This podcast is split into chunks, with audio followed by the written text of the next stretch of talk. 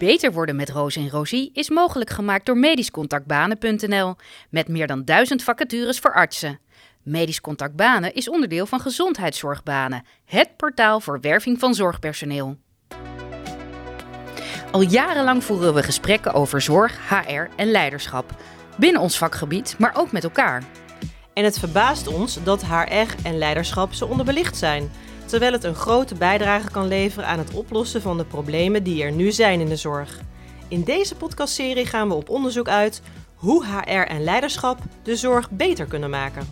Dit is Beter Worden met Roos en Rosie. Siets, daar zitten we weer. Heerlijk. In deze nog steeds hele mooie nieuwe podcaststudio. We zijn echt super blij mee. Um, ik hoop ook dat we jullie een filmpje kunnen laten zien van hoe het er hier uitziet. Uh, we zijn helemaal zen, want het is een uh, box in een box. Dus het is hier heel erg rustig en stil. We willen hier eigenlijk niet meer weg. Ideale werkplek. Roos, we hebben weer een mail ontvangen waarvan wij dachten: oh, daar kunnen wij wel wat mee. Daar vinden wij wel wat van. Kom maar op. Beste Roos en Rosie, een collega uit een ander ziekenhuis belde mij op met de vraag wat ik van een van onze AIOS'en vind, omdat die AIOS bij hen heeft gesolliciteerd. Nu ben ik niet als referent opgegeven door deze AIOS die binnenkort jonge klare is. En om nou de nogal directe vraag die ik voorgelegd kreeg, zou je deze AIOS zelf als collega willen, ongevraagd te beantwoorden, vind ik nogal wat. Ik vraag me af of het juridisch gezien eigenlijk wel mag. En omdat ik hoorde dat Roos rechten heeft gestudeerd, wilde ik de vraag aan haar voorleggen. Kijk. Zelfde, jij, jij bent toch dokter? Kun je even naar dit plek? Ja, ik heb hier een vlekje. Kun je even naar Als ik hier druk, heb ik daar pijn. Ja, nou, niet drukken.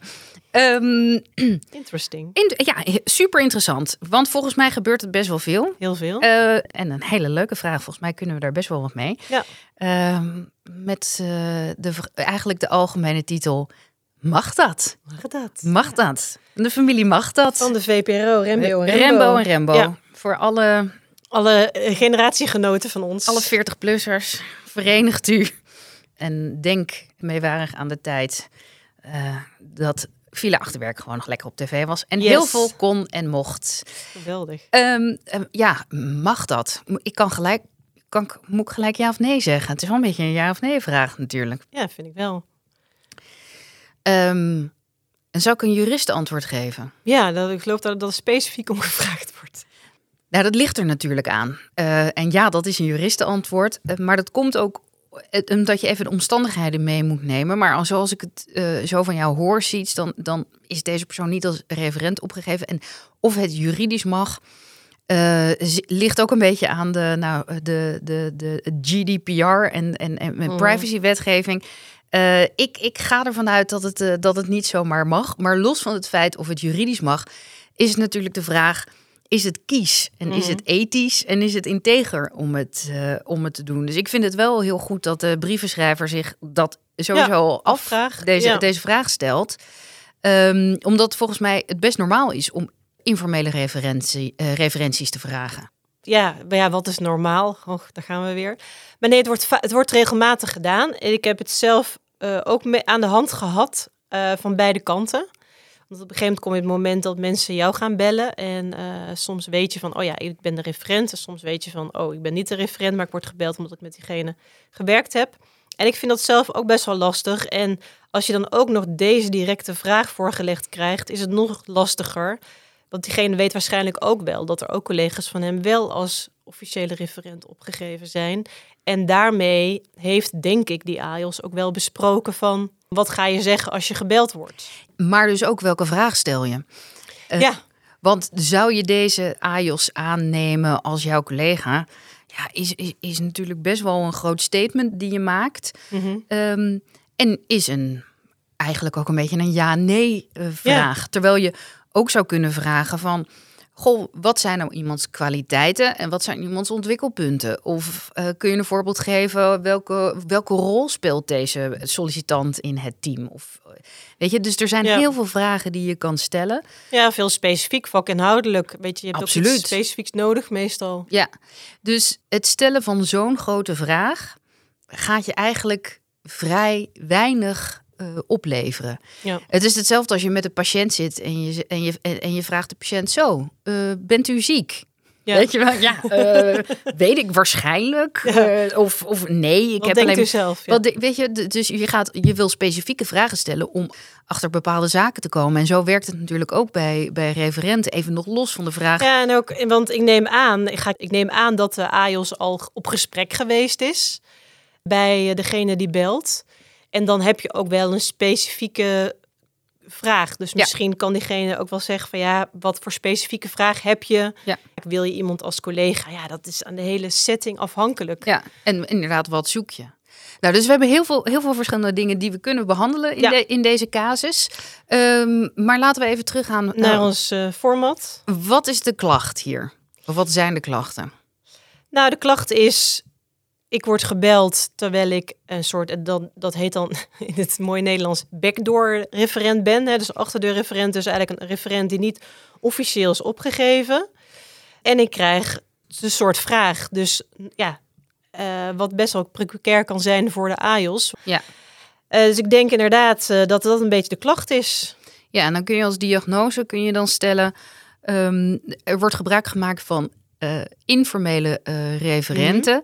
Ehm, en dat is niet bevorderlijk voor het sollicitatieproces. Deze aanname plak ik er gewoon zelf alvast even achter. Mhm. Ja, daar gaan we het inderdaad zo ook nog even over hebben. Want een sollicitatieprocedure, daar komt het eh, bias en ja, eh, beïnvloed worden door allerlei factoren snel bij kijken. Maar Roos, ehm, heb je dit zelf ooit meegemaakt? Absoluut. Ja? Ja. Dus het gebeurt niet alleen eh, bij ons. Nee. Het, eh, nee, nee, nee. Het hele, het hele principe van informele eh, referenten, dat, dat bestaat. En ik moet ook, eh, ook zeggen dat dat misschien nog wel. Maar dan ga ik misschien, begeef, begeef ik misschien een heel klein beetje op glad ijs. Dat hoe hoger je in de boom komt, hoe meer het informele circuit een rol gaat zijn. Maar ik moet je wel zeggen, dat speelt volgens mij een stuk minder dan in, in de Mhm. zorg of in de, bij, Ja. bij medisch specialisten. Ook omdat vaak op dat niveau binnen een eh, organisatie in het bedrijfsleven ehm, de recruitment en het eerste deel van het selectieproces vaak door een externe partij wordt gedaan. Eh, dus dan heb je een, een headhunter of maar een. doen die recruiters het eh, niet dan? Dat informele. Ja, en daarom zeg ik van het informele circuit speelt daar wel. Ook omdat het wereldje kleiner is en die mensen elkaar al langer kennen. De vijver waaruit ze vissen is relatief klein, dus iedereen kent elkaar wel Mhm. een beetje. Ja, en, dat betekent, en, dat, en dat betekent dus ook eh, dat de headhunters Mhm. de mensen ook al allemaal kennen. Dus Ja. wat dat betekent is dat je een, een headhunter of een recruiter stelt iemand voor. En omdat hij die persoon al kent, kan die recruiter zelf al informele feedback ja. geven. Dus informele feedback wordt niet zozeer eh, Gevraagd, gevraagd. Want ik, het is natuurlijk in het belang van die headhunter en de recruiter dat het een succes wordt. Hè? Absoluut. En dan kan ik me voorstellen dat de drempel om juist extra en misschien dus informele informatie te gaan vragen, eh, dat, ja, die verleiding is ook groter. Omdat de meeste headhunters al zeg maar vanaf, vanaf 30, 35 jaar Mhm. mensen kennen. Ja, dus dan. Ehm, eh, eh, zie je ook, oh, in welke rol zijn ze heel succesvol geweest, in welke rol zijn ze minder succes geweest. dus ze hoeven dan niet nog eens ook nog eens dat eh, informele externe circuit aan te Nee, ze hebben die informatie meestal zelf Ja. wel. En wat je, wat je doet is, ehm, eh, meestal als je aan het einde van een selectieprocedure bent gekomen, dan kan iemand inderdaad zelf eh, een referent eh, opgeven. En die ga je dan bellen. En dat kan de headhunter doen. Maar dat kun je ook doen zelf als, als Mhm. hiring manager. Dus als manager die deze persoon gaat aannemen. En dan ga je bepaalde vragen stellen. Dus dan van, goh, ehm, hoe heb jij deze persoon ervaren? Welke leercurve heeft iemand doorgemaakt? Wat is iemand, zijn iemands sterke punten? Waar zou iemand nog op kunnen ontwikkelen? Wat eh, vind jij dat belangrijk is dat wij over deze persoon Mhm. eh, weten? Hoe kan ik deze persoon het beste managen als die in mijn team komt? Dat soort vragen kun je stellen om een completer beeld van iemand eh, te Ja. krijgen. En dat kan je matchen. Ja, ervan uitgaande dat je dat zelf allemaal als groep goed voor elkaar hebt. Hoe bedoel je dat? Nou ja, het is natuurlijk ook zo dat je. Ik heb soms ook wel het idee van. Wordt standaard voor een sollicitant soms niet hoger gelegd. dan dat hij in de groep ligt bij degene die er al uh, werken. Ja, en dat denk ik dat dat ook logisch is, omdat je je team natuurlijk beter wil Mhm. maken. Dus dat, dat vind ik op zich niet zo verrassend.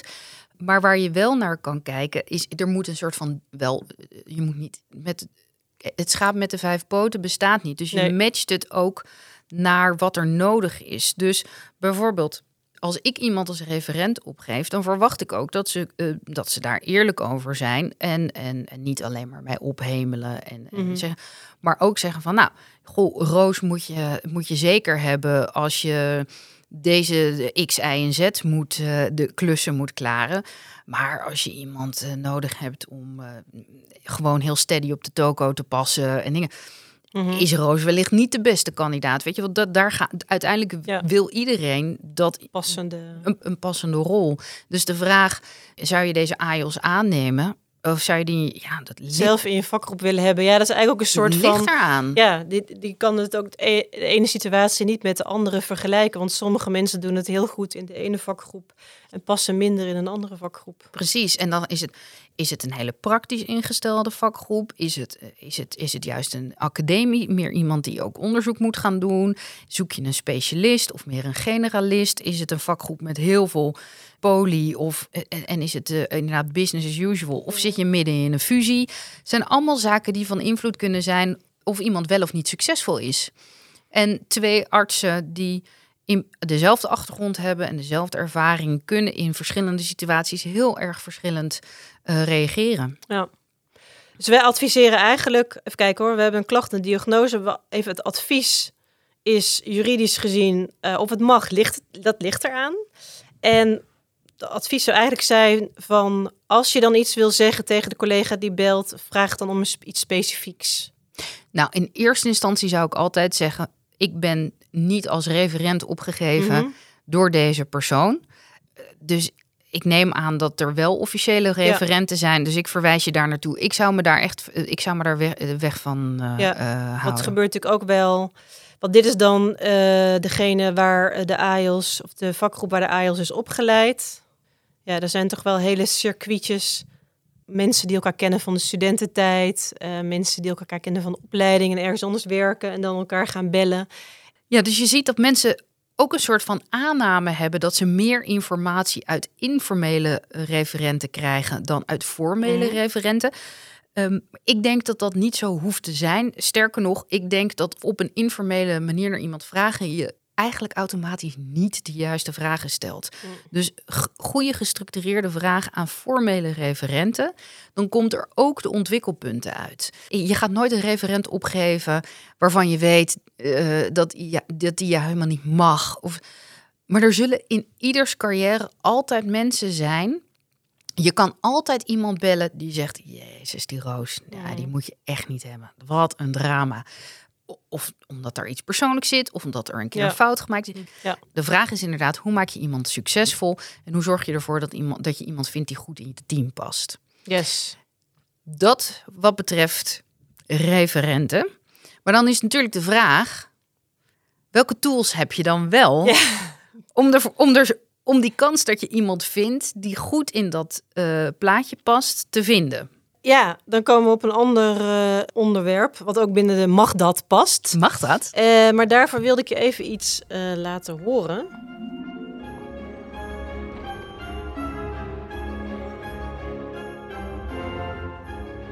Dit is het Harry Potter muziekje als intro van de beroemde Sorting Hat scène. Wat er vervolgens gebeurt is, de kinderen die lopen naar voren en krijgen een sorting hat op. En het moment dat ze de sorting hat op hebben, kijkt de sorting hat in hun hoofd en deelt hun in in een van de huizen, de Hogwarts houses. Gryffindor! Nou, dus de, de sorting hat praat. En ehm, wat je hoort is dat hij dus eh, kiest welk huis er terecht komt. Ehm, de kinderen gaan één voor één zitten en dan worden ze ingedeeld in verschillende Hogwarts houses. Waar wil ik naartoe? Roos, ik heb jou gisteren gevraagd om een test in te vullen. Ja, waarvan jij dacht, nou, dit is echt wetenschappelijk eh, het is een onzin. absolute wetenschappelijk gevalideerde test. Eh, overigens heb ik nog nooit iets van Harry Potter gelezen en of gezien. Dus ik wist totaal niet waar dit over ging. Maar ik heb hem inderdaad ingevuld. Absoluut. Welke van de vier huizen ben jij, heet dat dan? Ook ben ik. Oh, Raven. Iets met Ravenklauw? Ja, Ravenclaw. Ravenclaw. Wat is jouw MBTI? Eh, ENTP. Hmm, dan heb je de test niet goed ingevuld. ik zie Sietskes gezicht helemaal, helemaal betrekken. Ja, nee, dat klopt Wat niet. had, ik, wat had ik moeten zijn? Eh, Gryffindor. Oké, en, wat betekent, en, wat, en wat betekent dat? Nou, waar gaan we naartoe? Ehm, Zie, zie hier de zin en zie vooral hier onzin. ga, ja, dus eh, wat er gebeurt in Harry Potter is inderdaad... Die, die sorting hat kijkt door de hoofden van die kinderen heen... en deelt ze in op basis van hun persoonlijke kenmerken. Ja. En hun potentieel. Ja. Die twee dingen. Nou, hebben we dat natuurlijk, kennen we dat ook van assessments. Daar Ja. wil ik naartoe. En er is er iemand en die is zo'n Harry Potter fan, maar ook eh, psycholoog. En die heeft zeg maar de En, MBTI. en heeft heel veel tijd En heeft over. tijd over. Er een prachtig schema van gemaakt. Jezus. Dat zal, zal ik op ons Instagram zetten als deze aflevering online gaat. Eh, MBTI, de Myers-Briggs, hè, een van de Type indicator. type indicator. Om even te... Eh, ja. ja. en er zijn, even kijken, 4 x 4, dus er zijn 16 types. Ja. Eh, ieder met, met vier letters aangegeven. Dus Roos zei net al, zij is ENTP. Ik ben ENFP. Nou, jullie gaan allemaal zoeken. Misschien weet je ook wel eh, wat je bent. Dan heb je ooit die test eh, afgenomen. Roos is zelf zelfs gecertificeerd. MBTI. ehm ja, al weet ik niet of die nog of geldig of is. die nog geldig Ja, nee, is. oké. Ja, Maar ik- heb ooit drie weken mezelf helemaal omgewenteld in, Ja. in, in alles wat Myers-Briggs heet. Ja. En nu is er iemand die heeft gedacht van, nou, ik, die personalities in die Hogwarts houses, die koppel ik aan de MBTI. Dus dan maak ik per Hogwarts house. En Dus dan is Gryffindor, Ravenclaw, Hufflepuff en Slytherin. Ja. Maak ik, eh, die, die categoriseer ik in welke MBTI daarbij hoort. ja. Nou, waar, waar kan je je tijd mee verdoen? Maar goed, hartstikke Ik- leuk. Het is nog hetzelfde. Dit is toch een soort van Huffington Post. Welke van, van wat je vroeger had op Facebook van welke Disney-prinses Ja, eh, eh, ben je? Dat soort, eh, dat soort eh, dingen. Welk dier Ja. identificeer je je Ja. mee? Er zijn maar een paar eh, tests waar hard bewijs voor is dat die ook echt goed gevalideerd zijn. Nou, en wat natuurlijk, misschien is eh, eh, de sorting het wel een hele goede manier Ja. om je toekomstig partner te vinden. Ehm, maar het is natuurlijk e- e- extreem geestig. Wat, nou ja, ik weet niet of dat de juiste kwalificering is, maar ik vind het extreem geestig. Wat voor waarde mensen dus aan dit soort. eh Ja, aan maar dit dat soort, is welke tribe je hoort. ja, Dus dat is het. Ja. Mensen willen natuurlijk ergens bij horen. Dus jij hoort bij de Gryffindors of de... Ja, Ja, ja het- en, en het is natuurlijk ook een beetje de, want het- een beetje de flavor of, of the week, of eigenlijk eh, het jaar. hè. Dit, dat hele Myers-Briggs was ja. een beetje 2005 of na nee, nee, dat is ja, maar van 2005 tot 2015 was het natuurlijk eh, best wel een beetje gaaf. Ja. En je ziet nu inderdaad dat er steeds meer, meer nuance in komt. En ook sowieso de waarden en de labels die eh, geplakt worden op zo'n assessment, dat die steeds groter werden. Mhm. Ehm, hetzelfde als met de mensen hebben dan wat insights of zo gedaan of iets anders met kleuren. Je hebt dan Ja. maar die zeggen oh ja nee ja dat is dat is gewoon hij is gewoon heel rood of eh, ja die heeft een burn-out want die is heel groen. Ik, heb, ik heb ook al assessment eh, gedaan ooit voor, een- voor een baan als radioloog. En ehm, ik, ik kwam er zelf niet helemaal goed uit hoe je daar verder mee om moet gaan. Hè? Want het is ook relatief abstract. Nou, ik denk er zijn, er zijn verschillende zaken waar je iets, waar je iets mee kan. Eén is echt de, de hardcore assessment eh, data. En die testen je vaardigheid op het gebied van taal en ruimtelijk inzicht en rekenen. Dus de cijferreeksen en de, en de kubussen die je moet, ja, eh, maar die moet je je moet draaien. draaien. Maar dat is echt de, de eh, IQ-test. Dat zegt inderdaad iets over je intelligentie. En, ik, en, en daarvan zeggen ze dat valt niet te, te trainen. Maar je hebt een boek Dat heet geloof ik de grote assessment gids. Ik weet dat het van, we noemen dat altijd de bloemers, want het was van Wim Bloemers. Dat was Mhm. de schrijver. En eigenlijk, zo gauw je aan het eind van je studie kwam en je ging solliciteren, dan eh, kreeg je of kocht je dat boek. Want Mhm. er, er stond precies in hoe dat allemaal werkte. En dan ging je erop studeren en oefenen. En dan kon je echt eh, jezelf een aantal eh, stappen hoger mee, Ja. mee trainen. Dus dat is het enige dat. En dat zegt natuurlijk echt wel wat over je, over je intelligentie.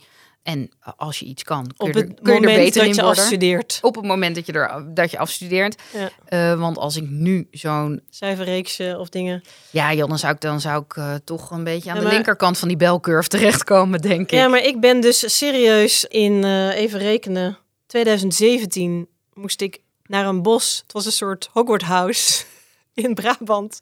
Want daar moest ik een dag, kreeg ik een assessment voor een, baan als radioloog in een, eh, een, van de ziekenhuizen in Brabant. En ik kreeg daar testen eh, in precies wat jij zegt. Dus cijferreeksen, nou ja, van alles. Een beetje ook redactiesommen, zoals ze die vroeger op school noemden. Taalvaardigheden met Venn-diagrammen, van alles. Ehm, dus op een gegeven moment ontdekte ik een fout in een van de opgaven. Nou, dan moet je net mij hebben, want eh, wacht even, dan ga ik even iets van zeggen. Dat is wel handig voor de mensen. Daar, daar ga ik iets van vinden. ik stond op, ik ben dat hele, hele pand eh, doorgegaan op zoek naar degene die mij achter die computer had gezet. En ik zei, ja, daar zit een fout in. Eh, ik denk, nou, daar krijg ik vast bonuspunten voor. Jongens, wat gaat er gebeuren? De tijd tikt door. Ja. Dus wat was de volgens de conclusie? Ja, wat je hebt gemaakt is eigenlijk echt vrijwel foutloos. Je hebt alleen wat minder af dan het gemiddelde. Zei ik, ja, allicht, want ik was aan de wandel. Plus, ja, ik zegt, kan ook, in... zegt ook heel veel. Het is een assessment op zich, dit, wat je, wat je hiervan vindt. En vervolgens zei ik, ik zei ja, maar ik kan in mijn vak eh, niet permitteren dat ik, als ik denk, ik weet het niet precies, ik ga door naar de volgende opgave. Het moet gewoon af en het moet goed. Ik kan niet zeggen, ik snap deze scan niet. Nee, dan ga ik een andere erbij vragen of ga er nog eens naar kijken of ik ga het opzoeken. Dus natuurlijk heb ik heel veel goed. Want en word je volgens in een cohort ge- vergeleken met andere mensen die net van een studie kwamen. En ik was al Ja, maar, radioloog. en, maar nou, ja, en ik vind daar heel veel van. Eén is even, eh, maar laat ik even beginnen bij, Ja. bij, bij in welk cohort je dan wordt geplaatst. Het is juist aan de psycholoog of de assessmentbegeleider die dit afneemt. En ik Ja. mag hopen dat in dit geval de assessmentbegeleider ook een psycholoog was. Want in Ja. dit soort grote Ja, want ik assessments kreeg daarna allemaal gesprekken ook nog. eh, Ja. Moet dat? Het is aan hem of haar om dat te interpreteren en ook zo terug te koppelen. Mhm. Eh, maar het zegt natuurlijk heel veel over iemand. Dat juist van alle opties die je hebt, dat dit degene is die je hebt gedaan. Weet je, want jij vertelde dit verhaal aan de telefoon, dat ik ook zei van, weet je, zoals mijn vader altijd zegt, je kan wel gelijk hebben, maar je hebt er, maar je hebt er zo weinig aan. Ja, laat gaan die fout. Laat, laat gaan. Dit is niet een scan. Dit is een rekensom op papier, weet je wel. Ja. En daar kun je dus anders mee eh, omgaan. Je leven hangt niet van deze som af. En ik heb ook wel eens gezegd tegen jou... van nou, als ik nu gevraagd zou worden om zo'n Mhm. zo'n hele dag assessment te doen... als onderdeel van mijn aannameproces...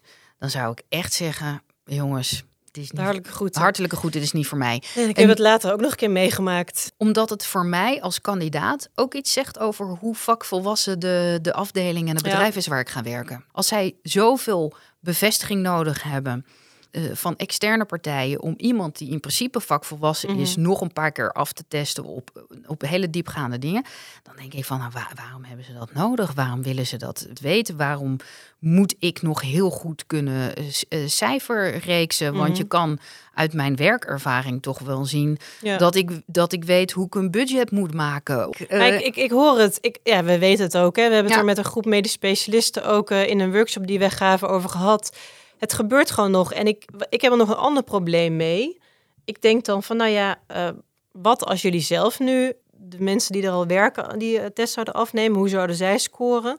Plus, ik vind het ook iets pervers hebben dat je het IQ gaat, IQ-test gaat afnemen bij een toekomstig collega die dezelfde rol gaat vervullen Ja. als die jij hebt. Ja.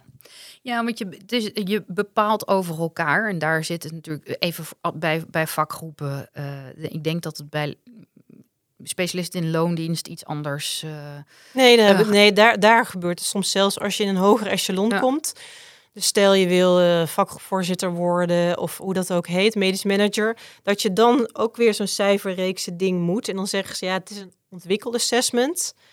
Maar volgens mij, ik weet niet of in een ontwikkelassessment cijferreeks en zo passen. Nou, ik zie het weinig. Ik Ja. zie het weinig, maar vaak, wat je vaker ziet is dat eh, er inderdaad grote assessments zijn waar dit een onderdeel van is. En even met mijn cynische blik erop. Dit soort assessments worden natuurlijk verkocht door een, door een, eh, eh, een bureau. eh, die wellicht er ook baat bij hebben als je het hele pakket Ja. koopt. In plaats van dat Alleen je. de persoonlijkheidstestdeel. Of, Precies. En ik vind een ontwikkelassessment Mhm. is een heel mooi instrument Ja. als zelfinzicht en als startpunt of als eikpunt om ergens Mhm. naartoe te werken. Maar dan moet er ook wel iets van coaching of een leiderschapsontwikkelingsplan aan vast eh, zitten. Absoluut. Ab- Dan ga je kijken van oké, we hebben eh, mensen in het, in het MSB nodig. Jij bent in principe de kandidaat. Hè? Want als er vier mensen solliciteren en je hebt maar één plek en je laat die vier mensen een ontwikkelassessment doen, dan gebruik je het alsnog als Ja. selectietool. En dat vind ik niet zuiver. Dus ik, ik kan me wel voorstellen dat als je net begonnen bent of gaat beginnen, dus je bent het al geworden, dat je dan een ontwikkelassessment doet van oké, wat kan je goed? Wat zijn je ontwikkelpunten en hoe gaan we daarmee werken? Of je moet heel duidelijk zeggen, het is een selectietool. Dan kun je het wel als selectieinstrument gebruiken. Kan dat in hogere eh, echelons? Absoluut. Worden er selectie-assessments gebruikt in het bedrijfsleven voor hoge? Absoluut, maar wel op een andere manier. Mhm. En dan is het ook een instrument om te kijken van, nou, oké, waar ligt nou die echte stretch? Hoe, hoe presteer je onder enorme druk? Of weet je, als er Maar dan Heel is veel echt met als doel om uiteindelijk het maximale uit iemand te halen en, en de juiste begeleiding te bieden. Absoluut, Ja. absoluut. En dat zijn ook geen, eh, eh, overigens geen goedkope grappen. Hè? Dat kost zo. Nee, dan moet je weer naar Zwitserland. Ik voel hem al aankomen. Nee, maar ook, ook, ook binnen Nederland, dat kan zomaar tussen de eh, 10 en de 30.000 euro kosten per assessment. Maar dan moet je ook dingen doen. Dus dan heb je ook rollenspellen, neem ik Ja. aan. Niet alleen maar dat je achter de computer zit met Ges- vraagjes die... Ja, gesprekken met psychologen. En dat, Want dan is de vraag inderdaad, hoe, hoe kom je erachter wat iemand kan? Hè? Wat iemands ja, kennis, vaardigheden, skills eh, en, en hoe leerbaar iemand ook is. Ik denk dat dat, ja, dat wil je natuurlijk graag weten. Dus waar zit de potentie en waar, eh, eh, waar kan je mensen dingen leren? Nu heb je al eerder al gezegd van hire for attitude and train skills. Ja. Maar dan moet iemand inderdaad wel trainbaar zijn voor die skills Ja. bijvoorbeeld. Dat zou je bijvoorbeeld kunnen ontdekken in zo'n assessment. Ja, dus wat is iemands, nou ja, learning agility, zoals dat dan zo, eh, zo mooi heet. Dus hoe is iemand in staat om nieuwe dingen te leren? En vaak zie je dat beter in business cases bijvoorbeeld. Ja, waarbij ja, je echt een praktijkvoorbeeld eigenlijk. praktijkvoorbeeld waarbij iemand bezig is en dan op een gegeven moment er bepaalde informatie mist. Dus hoe, Mhm. hoe kom je tot een conclusie met 80, 70, 60 procent van de informatie? En hoe laat je zien hoe je tot die conclusie bent gekomen? Eh, hoe reageer je als, er, als je gestoord wordt? Dus wij zijn deze Mhm. podcast aan het opnemen en eh, er, er komt hier iemand drie keer eh, binnen. Hoe ga je daar mee om? Wat gebeurt er als je bijna klaar bent met je business case en eh, er komt iemand binnen die zegt: Oh ja, dit waren we nog vergeten. Mhm. En het draait je hele business case om eh, met dat ene A4'tje Ja. eh, die je er opeens bij krijgt. Daar kun je heel veel informatie uithalen, ook in gesprekken, in rollenspellen. Ja. Hoe ga je om met een moeilijke medewerker? En dan kun je denken: Ja, een rollenspel, is dat niet een beetje kneuterig? Ja, vaak in het begin wel. Maar als je Mhm. met een, in een goed rollenspel zit en dat, en dat heeft voldoende tijd, kun je daar ontzettend veel uithalen. En kun je ook de schijn niet echt ophouden. Nee. Op een gegeven moment valt dat er gewoon. Nee, eh, zeker niet als het vanaf. goede acteurs zijn. Ja, en, Ja. en een assessment ook langer duurt. Ja, nee, want dan kom je inderdaad op dat soort bedragen ook uit. Ehm, en als je nou kijkt naar die persoonlijkheidsassessment, want ik heb zelf ook even nagevraagd bij eh, Kilian Wawoe. Hij zei van ja, je hebt eigenlijk eh, waar, eh, waar je in de medicijnen heb je zeg maar de, de EMA, de EMA, die medicijnen goedkeurt. Hè. Maar je, zo heb je voor tests in het algemeen, waar ook deze assessments onder vallen, heb je de COTAN met een C. Ja. En hij zei eigenlijk voldoet alleen de hexacon, zeg ik het goed? Niet, niet te verwarren met eh, de Oosterse maaltijden. Nee, precies. En eh eh, ik krijg er meteen trek van. En dus de hexagon en de big five. Ja, daar heb je natuurlijk meer, meer verstand van mij. Zei, dat zijn eigenlijk persoonlijkheidstests waar die best wel eh, die goed gevalideerd zijn eigenlijk. Die, die, die daardoor heen komen door die Coton eh, Ja. kwalificatie. ja en, eh, en dat zijn ook redelijk complexe tools, moet ik zeggen. Daar moet je ook echt Hexaco, ja. Ja, daar moet je ook echt wel de tijd voor nemen om die goed te lezen. En je hebt daar altijd ook iemand bij nodig om die goed te kunnen interpreteren. Maar dan moet je eigenlijk ook de rest van de groep, even als je het weer in een sollicitatiesetting doet, moet je de rest van de groep moeten dat dan ook. Nou, ik denk wat in een sollicitatieprocedure heel erg belangrijk is, is in eerste instantie van tevoren goed na te denken welke informatie Ja. je nou allemaal wil, heb, wil hebben. En maakt een, een, een assessment daar onderdeel uit? Ja Mhm. of nee? Omdat als iemand een telefoontje verwacht, ik ben het geworden of niet, die niet gaat verwachten dat je een telefoontje, eh, dat je belt met de, met de mededeling. We zijn er nog niet helemaal uit en we gaan toch nog een assessment doen. Ja, maar dat gebeurt wel. Dat gebeurt heel, ja. vaak. dat gebeurt heel vaak. Het oogt van Ja. rommelig. Ja, ja. En dat is niet de beste manier om je als werkgever te profileren. Dus als je het doet, wees er duidelijk over. En zodat mensen weten wat ze kunnen, wat ze kunnen verwachten. Dan als je kijkt naar welke tool gebruik je. Gebruik een tool die daadwerkelijk is bestemd om in een selectieprocedure. Dus ik ben gecertificeerd in StrengthsFinder. Dat is van Gallup, groot onderzoeksbureau. Dat is een, een ontwikkeltool. Ja. Ja. En mij wordt gevraagd van, oh ja, we hebben dat als team gedaan. Kun je de nieuwe dan ook in de sollicitatieprocedure meenemen en dan kijken of die goed in het team past? Eh, ja, dan is mijn antwoord nee, want het is geen selectietool. Het is een ontwikkeling Ja. en een coachingstool Ja. eh, op individueel en op teamniveau. Maar het is niet een selectietool om te kijken van, oké, kan die X, Y, Z goed en past die plaatje? Ja, maar plus je moet dan je moet eigenlijk ook. Het is wel interessant als je voor de, voordat je de vacature überhaupt gaat schrijven, als je een soort profielschets maakt, dat je dan eigenlijk al weet van eh, hoe zitten we zelf erin, wat hebben we nog nodig, wat is complementair in onze groep bijvoorbeeld. Ja, dat.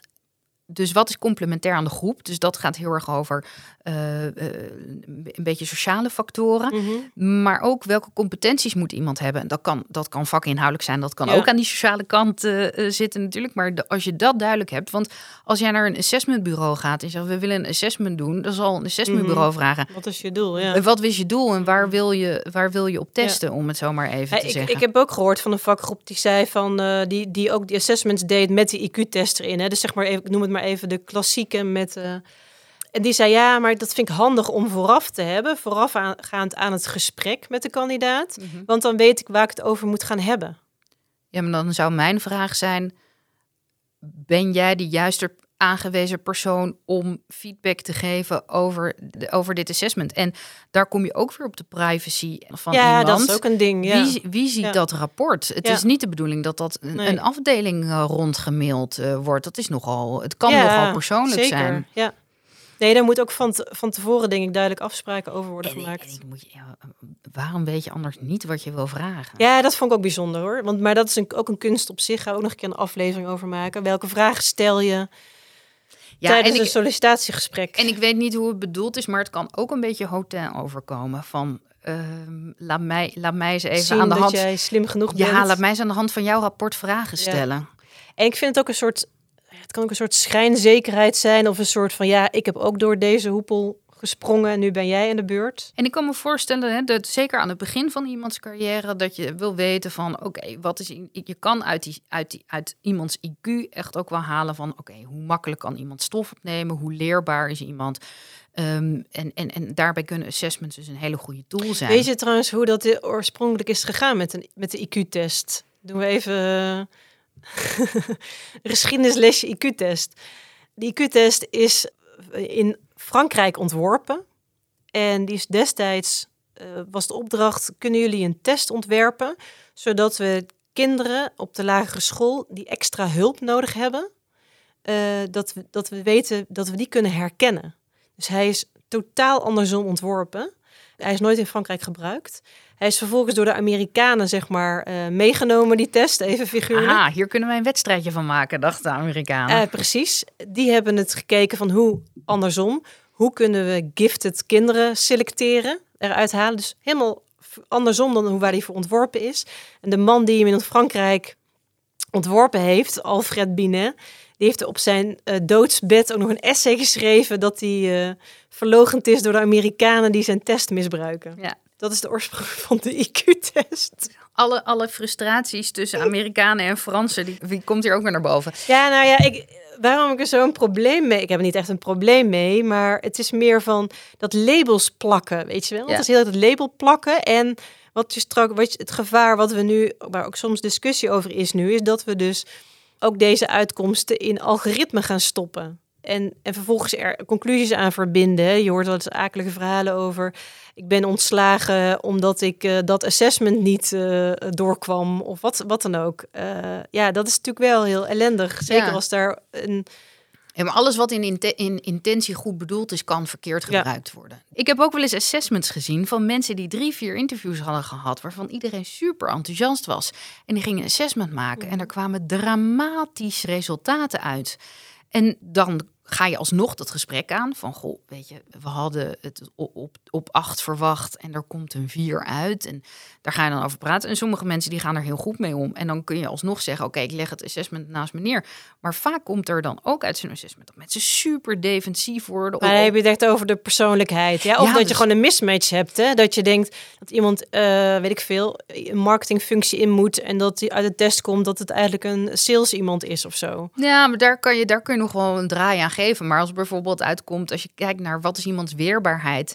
En er komt uit uh, resilience, zeg maar. En er, mm -hmm. komt, er komt uit dat iemand daar extreem laag op scoort. En je zegt van, joh, weet je wel, uh, hoe zit het met die weerbaarheid? En daar, daar scoor je echt wel heel erg laag op. Waar denk je dat dat vandaan komt? En die persoon wordt super boos. Echt gewoon helemaal schreeuwen en rode vlekken. En denk, denk je, nou, oh, oh, ik zie, er komt nu wat naar boven die, die in de eerste gesprekken niet naar boven zijn gekomen. En, weet je, en dan, dan denk je van, nou, dan is het een handige tool.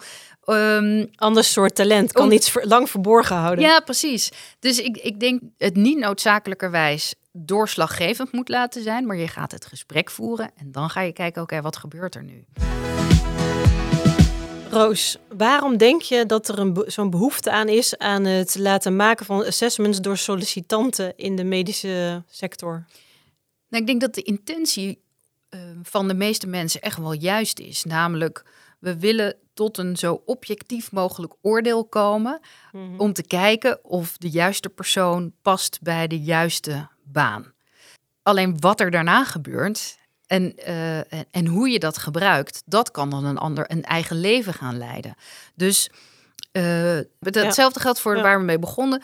Mensen denken, als ik informele uh, referenten krijg ik toch een, nog een iets ander beeld van iemand dan dat ik al had. Dus mensen zien dit allemaal als, als verschillende puzzelstukjes. Mm -hmm. En die, die leg ik dan bij elkaar. En dan weet ik, oké, okay, deze persoon is geschikt en deze persoon is niet geschikt. Alleen de, de, de, ja, de realiteit is natuurlijk weer barstiger. Mm -hmm. Niemand is perfect voor een bepaalde rol. Want het is altijd een papieren waarheid waar je naar op zoek bent. Dus de vraag is hoe zorg je ervoor dat je een zo compleet mogelijk beeld krijgt, die voor een zo groot mogelijke zekerheid zorgt? Mm -hmm. Want 100% zekerheid ga je niet krijgen. En er zit ook nog vaak iets in, wat vaak gewoon is van, hebben wij, hebben wij een connectie? Mm -hmm. uh, bestaat er een bepaalde uh, chemie tussen ons, met, met het team? Um, en brengt iemand een bepaalde energie mee? En dat is lastig op papier te vinden het hebben van verschillende bouwstenen om tot een zo goed mogelijk en compleet mogelijk beeld te komen, denk ik dat helemaal juist is. Alleen we moeten er niet te veel waarde aan hechten. In die zin dat we het heilig verklaren. Ja, het kan ook een risico zijn. Hè? Je kan een confirmation bias krijgen van uh, ja. zie je nou wel. En andersom uh, ja, kan het ook een soort schijnzekerheid geven. Want we zijn natuurlijk al enorm uh, gebiased. Hè? Doordat we, wat je, ja. Wat ik vaak merk is dat uh, mensen bijvoorbeeld niet aan iedere kandidaat dezelfde vraag stellen. Dus mm -hmm. dat de gesprekken niet gestructureerd zijn. Ja. Dat ze daardoor ook niet achteraf kunnen scoren op de losse competenties bijvoorbeeld van iemand. Want ze hebben iedereen andere vragen gesteld. Daarnaast heb je ook nog zoiets als ruis. Dus het schijnt zo te zijn dat, uh, nou gaan we lekker in de juridische hoek weer zitten. Re rechters voor de lunch andere uitspraken doen dan na de lunch. Maar ook dat mensen die sollicitatiegesprekken afnemen, blijkbaar in de ochtend veel meer gaan zitten bij het vra- uitvragen op, op kennis. En eh, in de middag veel meer geneigd zijn om te vragen van... Goh, vind ik het een aardig persoon die hier tegenover me zit? Dus, Ja. dus het, het, het is een, een... Ik denk ook dat het een ingewikkelder proces is... dan dat we soms eh, eh, reali- ons realiseren. Ja, en het is geen rekensom. En Nee. dus aan de ene kant ehm, moet je zoveel mogelijk abstraheren. Eh, en hoe doe je dat? Nou, inderdaad, door gestructureerde vragen Ja, te en stellen. objectiveren. Ja. Objectiveren. eh, eh, en dat kan tot aan het anonimiseren van, van, van gegevens Mhm. zijn. Maar daar valt heel veel over te zeggen. Maar Ja. even grosso modo te kijken van hoe kunnen we zoveel mogelijk objectiveren. Maar aan de andere kant er stil bij staan en ons beseffen dat het geen mathematische oplossing is. Nee, Dus er komt altijd een bepaald gevoel bij kijken. ja. En daarom kan iemand die op, op papier perfect is, Mhm. helemaal niet uiteindelijk de juiste kandidaat zijn. En dat maakt dat het geen wetenschap is. Als iemand begint over een studentenvereniging... en jij hebt ook op die studentenvereniging gezeten... Ja, dan vinden we die persoon... oh, dat kunnen we, kan je het bijna niet tegenhouden. Ja, maar aan de andere kant, als iemand nu boven de 40 is en eh, nog heel erg over zijn studentenvereniging, denk ik ook, oh, nou weet je, we zijn inmiddels toch verder dan dat, weet je wel. Dus, eh, dus zo gevoelig ligt het. Ja. En dat kan ik zo vinden. Ik denk, Ja. nou joh, dus zo, weet je wel. En ik denk, oh ja, maar die persoon hier naast me, Maar dat maakt ook dat, dat je op de ene plek je helemaal thuis kan voelen. Hè? Dat je inderdaad het puzzelstukje bent in de hele gele puzzel van, de- van de groep. Maar de andere, andere plek denkt van, oh... ja, absoluut. Ik ben ook wel eens ergens binnengelopen dat ik dacht... Ik loop het liefst zo Gelijk achteruit, achteruit terug. Want en ik voel dat ik de wedstrijd al verloren heb voordat ik begin. Hè? Terwijl ik daar een heel goed eerste gesprek had gehad. Maar dat er iets was gebeurd wat buiten mijn eh, eh, krachten lag. Ja. En dan en soms denk je van, wauw, wat eh, tof. Ja. Hè? Ik pas hier helemaal tussen. Ja, of dat je denkt aan deze wedstrijd wil ik helemaal niet meedoen. Exact, oh ja. Ja. ja. zeker. En, en, dat is, en, dat, en, en dat is ook een heel goed punt omdat je, om, omdat je zelf eh, te beseffen. Mhm. eh, is dat je geen speelbal bent van wat er eh, om je heen gebeurt en wat er in zo'n procedure gebeurt. En nou weet ik ook wel dat voor Ja, sommige specialismen dat precies. anders is. Weet je, dus Kleine wereldje, jonge klare problemen, gaan het allemaal weer, ja, even resumerend. resumerend. Yes. Ehm, We begonnen bij eh, de referent die niet als referent was opgegeven. precies. En de vraag en de titel was: mag dat? Mag dat? Eh, ik zou zeggen, nee, dat mag niet. Eh, er mag een heel hoop andere dingen, dat mag wel. Dus informele referenten zou ik echt heel erg voorzichtig mee zijn. Wees, en welke tools heb je dan wel? Nou, je hebt formele referenten, je hebt het interview en je hebt assessments. Maar ook binnen die assessments zijn, is er dus een heel hoop onzin, zoals jij al met, met Harry Potter. En de eh, sorting heads. Ja. Eh, ik ben ook blij dat ik gelijk je, eh, de aanname van deze de beste man die avonden en avonden heeft gespendeerd om het juiste Harry Potter huis aan MBTI-profiel. eh vrouw was het. eh, vrouw om die. waarom? Ik gelijk maar dat hele treurige, treurige man is die bij zijn moeder woont, die, dan, die dat gedaan heeft. Maar goed, ehm, dat is mijn bias dan weer. Ex- ex- excuus. Eh, maar je ziet dat er heel veel onzin en onzin in zit. Het zijn allemaal hele leuke en soms hele goede Die in, handvatten. ja, die in context moeten worden geplaatst. die in context moeten worden geplaatst, inderdaad. En ook als je ze niet goed gebruikt, ook een heel hoog afbreukrisico Ja, heel veel schade kunnen aanrichten. Dus hou ja. er eh, Ja. rekening mee. Nou. Roos, ik ben blij dat we eh, nu weten van elkaar welk huis we horen. Ik ga thuis even opzoeken wat Ravenclaw is, want ik heb nog steeds geen flauw idee. Mensen, wij willen jullie ontzettend bedanken. Wederom voor het luisteren. Als je vragen hebt of me- opmerkingen, feedback, ideeën over waar we het de volgende keer over moeten gaan hebben. Eh, mail ons op info.roosenrosie.nl en N is met EN en Rosie is met een Z. Dit was Beter Worden, Roos en Rosie.